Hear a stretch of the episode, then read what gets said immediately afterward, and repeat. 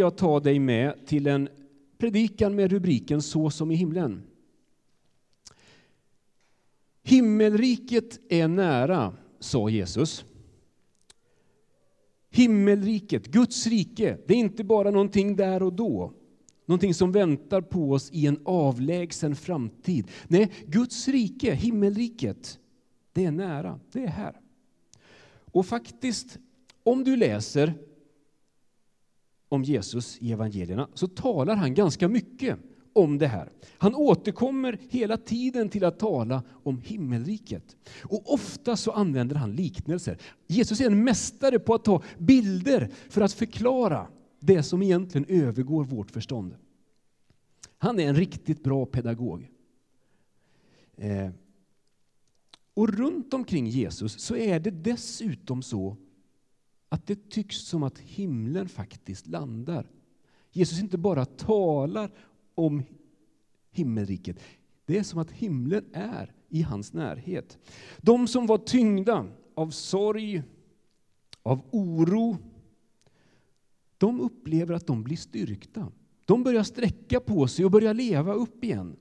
Förtvivlade människor får nytt livsmod i hans närhet. Det gör någonting med människor att vara med Jesus. Atmosfären av hon, runt honom, den gör något med oss.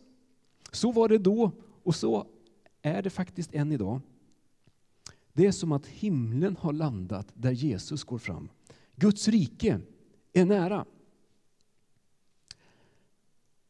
Och så läser vi vidare och så säger Jesus till sina lärjungar, så här ska ni be. Vår far i himlen, låt din vilja ske. Låt ditt, vadå? Rike komma. Låt det komma. Alltså himmelriket, Guds rike, det är någonting som behöver komma. Det är alltså inte här och nu, helt och fullt. Ja, redan nu så är Guds rike här, men ännu inte. Guds rike, himmelriket, det är någonting att sträcka sig mot, att sträva efter, att söka.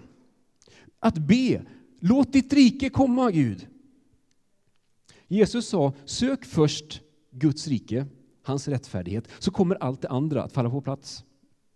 Alltså, orientera dig mot Gud. Sök Guds vilja, Guds rike, och det andra kommer att falla på plats.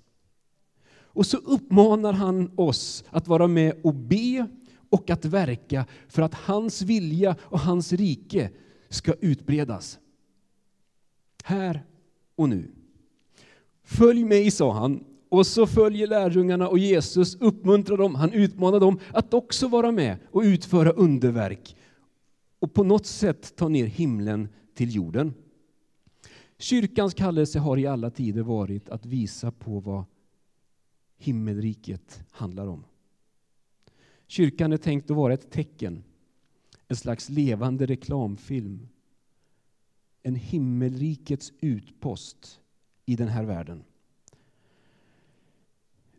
Ni som har levt, ni har hört talas om och lyssnat till U2 och hört Bono. Han är en slags one-liner-maskin. Han har uttryckt det så här.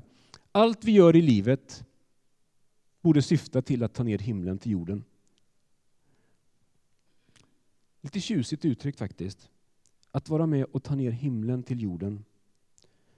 Låter fint, men vad innebär det? Vad handlar det om? Hur tänker du dig himlen? Vad är det som ska ta form här och nu? Vad är det som vi ska sträva efter? Vad kännetecknar livet i himlen? Är ni med? För där är frågan som jag vill ta med in i min predikan idag himlen. Att beskriva himlen är svårt.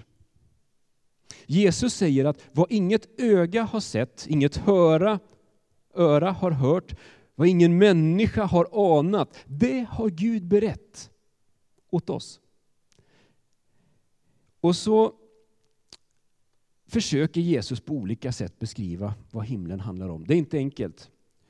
Jag tänker att beskriva himlen, det är som att försöka beskriva sommaren med en liten blyertspenna och ett papper. Eller att, Eh, jag hörde en blockflöjt igår. Det är som att försöka spela Händels Messias och framföra den med en blockflöjt. det finns risk att det är lite fjuttigt. Eh, så med risk för att den här predikan kommer att låta lite fjuttigt så vill jag ändå försöka sätta ord på något av vad Jesus säger att himlen handlar om. Och då, idag så är det ingen enskild text utan jag vill plocka ut tre bilder som Jesus lyfter fram. När han ska förklara för människor som vi vad himlen handlar om, då tar han tre bilder bland annat. Och då säger han så här, att himlen, ja, är som en fest. Faktiskt, när Jesus ska måla upp bilden av himlen så återkommer bilden av ett kalas gång på gång.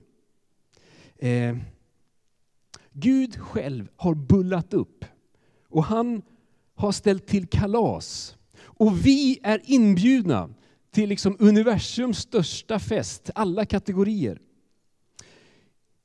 Himlen Ja, I himlen så kommer det att blandas liksom skratt, lovsång, god mat. Och det tycks vara både högtidligt och uppsluppet på en och samma gång. Och i centrum av alla de här festligheterna så står ju Jesus Kristus, han som gav sitt liv för att ställa allt till rätta. Det är Jesus som får himlen liksom att bara brista ut i lovsång och tillbedjan och innerlig glädje.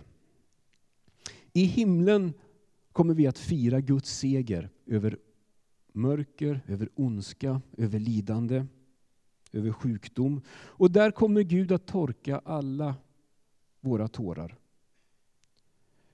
Och att Jesus talar om himlen som en fest tänker jag säger någonting viktigt om en kristen syn på livet och på Gud.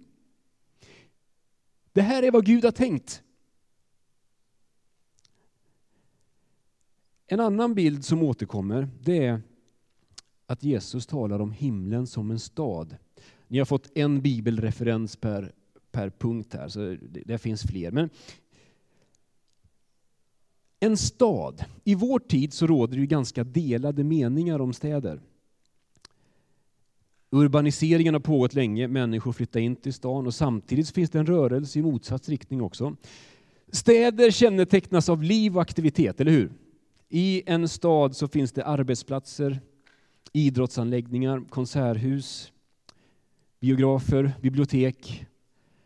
Det finns mycket som gör livet både intressant och roligt på många sätt. Staden är ju en plats som sjuder av gemenskap och aktivitet. Så kommer det att vara i himlen. Men i våra städer finns det ju också en hel del annat. Det finns allmän nedsmutsning, det finns brottslighet och kriminalitet, det finns arbetslöshet och det finns också en djup ensamhet i våra städer. På Bibelns tid så förknippade man inte staden med kriminalitet eller ensamhet, inte först och främst, inte alls. Utan på Bibelns tid så förknippade man staden med trygghet faktiskt. För i staden, där bakom stadsmurarna så kunde man leva trygg för de rövare och banditer som härjade på landsbygden. Så staden är en plats där man kan leva tryggt. Så kommer det att vara i himlen. Där råder Guds frid. Där råder Gud i sin makt och i sin härlighet. Och där kan vi slappna av. Där kan vi vila ut. Där kan vi vara trygga. Himlen som en fest himlen som en stad. Och så talar Jesus om himlen som ett hem. Att komma till himlen, det är som att komma hem. Vi kommer att känna oss välkomna. Mer än det, vi kommer att känna oss hemma. Det är här jag hör hemma. Igår kväll så kom jag hem. Vi åkte bort upp till Västerås i fredags och jag och Tia kom hem igår kväll. Och det är en skön känsla att komma hem. Kan du, kan du känna igen den? Att ta av sig skorna och lägga sig på soffan. Det är inte mycket som går upp mot att verkligen känna sig hemma. Det går att känna sig hemma i ett rum, på en plats. Men det går också att känna sig hemma tillsammans med en annan person. När jag känner mig hemma med någon, då innebär det att jag kan vara mig själv. När jag känner mig hemma med en annan människa, men då, i den sällskap kan jag vara mig själv. Jag behöver inte spela någon roll, jag behöver inte göra mig till. Jag kan vara den jag är. Det finns en frihet i det. Jag får vara mig själv. Så kommer det att vara i himlen. Där hör vi hemma. Där kommer vi att känna, här får jag ju vara, det här är hemma, här hör jag hemma. Himlen som, vad var det Jesus sa? Han talade om himlen som en fest. Han talade om himlen som en stad. Och han talade om himlen som ett hem. Rent allmänt och sådär, generellt så tror jag inte att vi tänker särskilt ofta på himlen. Det är inte så ofta som vi har en predikan en söndag förmiddag som, som liksom talar om, om, om det som väntar. Vi tänker ju att det där med himlen, det ligger någonstans i framtiden. Långt borta. Det har inte med livet här och nu att göra. Men så plötsligt fyller man 40. Eller så är man med om någonting oväntat. Eller man fyller, ja, ni vet, ni fattar. Plötsligt så kommer tankarna om framtiden. Och jag tror att de kan föra mycket gott med sig. Om Jesus får tala till oss om den framtid som väntar. För utlämnade åt oss själva så kan vi så lätt förtvivla och tänka det här går åt skogen. Med mitt liv, med våran värld, med miljön, med freden, whatever. Men Jesus vill tala till dig om den framtid som väntar för att du inte ska gå under. Jesus kom för att vi ska ha liv och liv i överflöd och han vill leda oss in i det. Han är våra själars herde och vårdare. Han har berett plats för oss och han vill samla ihop oss hem till sig, till den där festen, den där staden. Kristen tro är envist framtidsinriktad. Gud har ett mål, en tanke som han vill ta oss in i. Och Bibeln uppmanar oss att redan här och nu fästa blicken på det som kommer, så att det kan få forma våra liv här och nu. Himmelriket handlar inte bara om någonting som kommer att inträffa där och då, utan det har faktiskt väldigt mycket med här och nu att göra. Jesus talar om himlen för att förmedla tröst.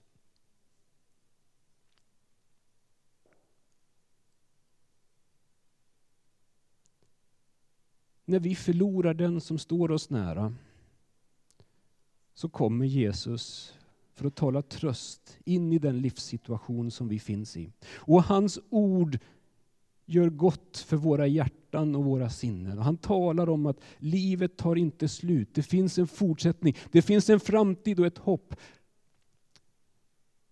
Och när han får tala in det i våran själ, då landar det gott. Och jag hoppas att budskapet om himlen skulle kunna skänka dig tröst. Jesus talar också om himlen för att väcka något slags trots i oss, en slags inspiration. Att i en värld där så mycket inte är vad det borde, så vill Jesus väcka vår längtan och iver, vår vilja att vara med. Det här kan vara annorlunda. Låt ditt rike komma. Guds tanke är att livet, och i synnerhet Guds församling, ska vara som en fest, som en stad som ett hem.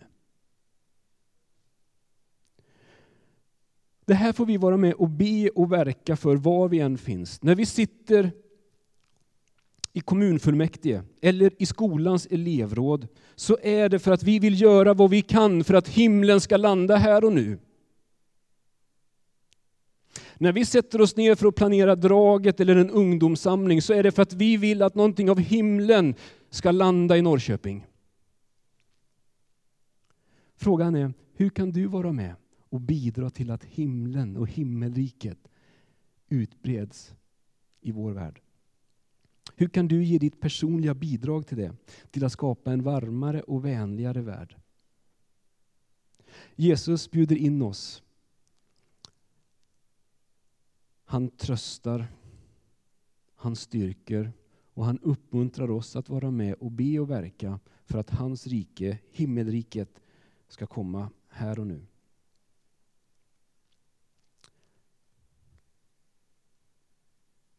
Det var vad jag har gått och burit på i mitt hjärta och vill dela med er idag.